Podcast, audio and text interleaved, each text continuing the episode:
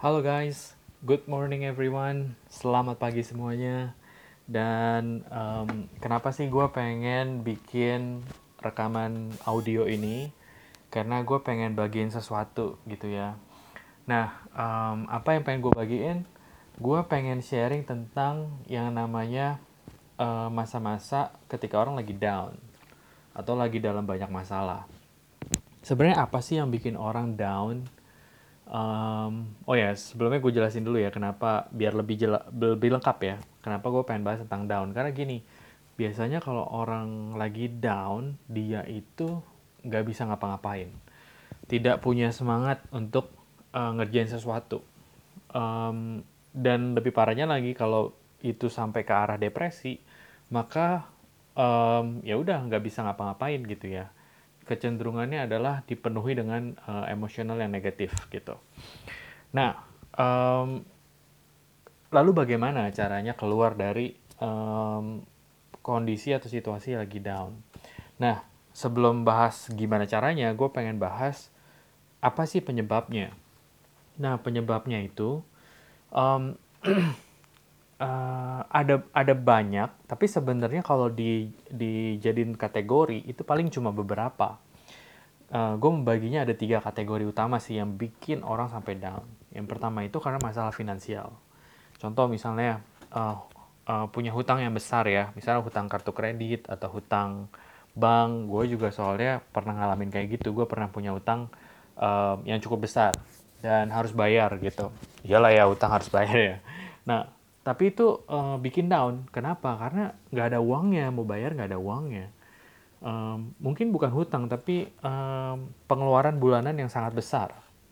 Atau ada sesuatu yang diinginkan, perlu biaya besar tapi nggak bisa dilakukan. Nah itu bisa bikin down loh. Nah itu ya. Nah mungkin teman-teman ngalamin atau sekarang sedang ngalamin, saya tidak tahu. Nah yang kedua adalah masalah relasi. Uh, relasi bisa konflik dengan orang tua, bisa konflik dengan saudara, bisa konflik dengan pacar, konflik dengan istri. Nah, itu bisa atau suami bisa bikin down. Karena yang namanya relasi itu um, pasti impact banget ke diri kita, betul ya? Nah, uh, apalagi kalau kata-katanya kasar atau kata-katanya menyakiti kita. Nah, itu bisa bikin down. Nah, yang terakhir adalah ketika kita melihat masa depan. Orang bisa down ketika dia melihat tidak ada pengharapan. Misalnya contoh, ah gue karir begini-begini aja gitu.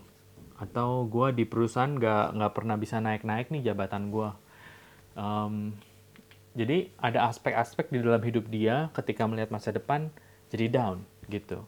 Nah mungkin rekan-rekan sekalian bisa nambahin beberapa aspek lain penyebab orang bisa down. Tapi paling tidak itu tiga hal utama sih ya menurut gue ya uh, kenapa orang bisa down. Nah sekarang gimana sih cara ngatasinnya?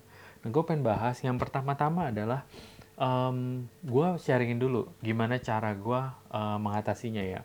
Nah, uh, eh, gue tipenya adalah orang yang uh, thinking ya atau berpikir strategi. Jadi memang betul uh, waktu down itu ya pasti uh, apa ya kacau pikiran terus lemes gitu ya. Kalau orang down kan lemes ya. Tapi karena gue tipenya thinking, mau nggak mau gue berpikir tuh. Uh, gue bertanya sama diri gue, so gimana nih gue uh, cara nyelesain masalah ini? Ini untuk gue ambil contoh yang masalah finansial dulu deh ya. Uh, gimana nih gue cara nyelesain masalah ini? Dan gue akhirnya mulai berpikir uh, melakukan uh, ada alternatif alternatif apa yang bisa gue pikirin. Dan itu cukup nolong. Kenapa? Karena gue jadi tahu uh, ada sedikit harapan oh iya ini bisa nih sebenarnya jadi solusi. Dan perlahan-lahan akhirnya gue bisa uh, beradaptasi gitu. Akhirnya oh gue mulai lebih tenang karena gue tahu nih uh, step by stepnya yang harus gue lakukan. Nah jadi uh, saran gue kalau memang kendalanya adalah di finansial atau di ekonomi, coba deh uh, berpikir strategi gimana cara menyelesaikannya. Bisa ngomong sama temen, bisa ngobrol uh, apa namanya uh, tanya mentor atau tanya orang yang lebih paham atau yang pernah ngalamin situasi yang sama kayak gitu ya. Nah itu kalau di finansial, kalau di konflik mirip-mirip caranya. Bisa ngobrol juga ke konselor gitu ya misalnya atau ngobrol juga atau cari tahu uh, di psikologi. Gue tuh tipenya gitu ya gue tipenya riset juga karena thinking mau nggak mau gue riset gitu ya. Gimana sih cara nyelesain masalah? Tapi kalau misalnya masalahnya adalah konflik mau nggak mau mesti ada yang memulai gitu.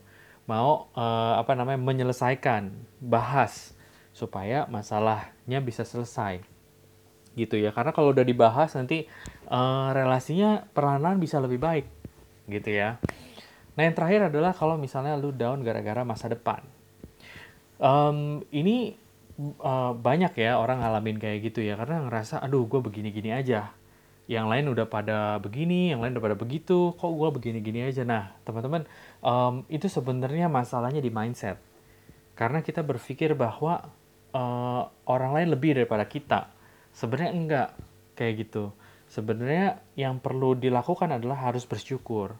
Yang pertama adalah kita dikasih kesehatan. Ya, kita dikasih kehidupan. Sampai detik ini masih bisa melakukan ini dan itu jadi kalau kita mulai terapkan bersyukur, um, kita lebih mampu untuk uh, ya menikmati uh, posisi kita sekarang. Memang betul, uh, apa namanya? Uh, kalau misalnya kita udah mulai bandingin tuh, itu udah mesti pasti udah down lagi. Jadi sarannya adalah jangan banding-bandingin. Nah, balik lagi ke yang pertama, uh, jangan berhenti pada bersyukur, tetap harus berkembang. Yang pertama itu kan bangun strategi, gimana saya bisa lebih baik jadi bukan cuma ya udah gue begini ya begini, enggak. Tapi ayo dong berjuang juga. Jangan cuma um, cepet puas jadi orang yang ya udah saya begini-gini aja. Ya jangan ya itu salah juga. So teman-teman sebenarnya kalau kita lagi down, lagi dalam masalah pasti ada solusinya ya. Dan biasanya solusinya itu hanya sat, uh, satu hal yang sederhana. Misalnya kayak yang tadi ya yang pertama ya mulai berpikir solusi. Nah, itu bisa jadi uh, satu hal yang membantu sekali. Mulai melakukan tindakan sederhana untuk menghadapi uh, downnya kita gitu atau uh, masalah yang sedang kita hadapi. Nah, berangsur-angsur nanti situasinya bisa uh, terkendali dan kita bisa lebih tenang, kita bisa lebih menghadapi dan kita bisa lebih semangat. Nah, itu dia.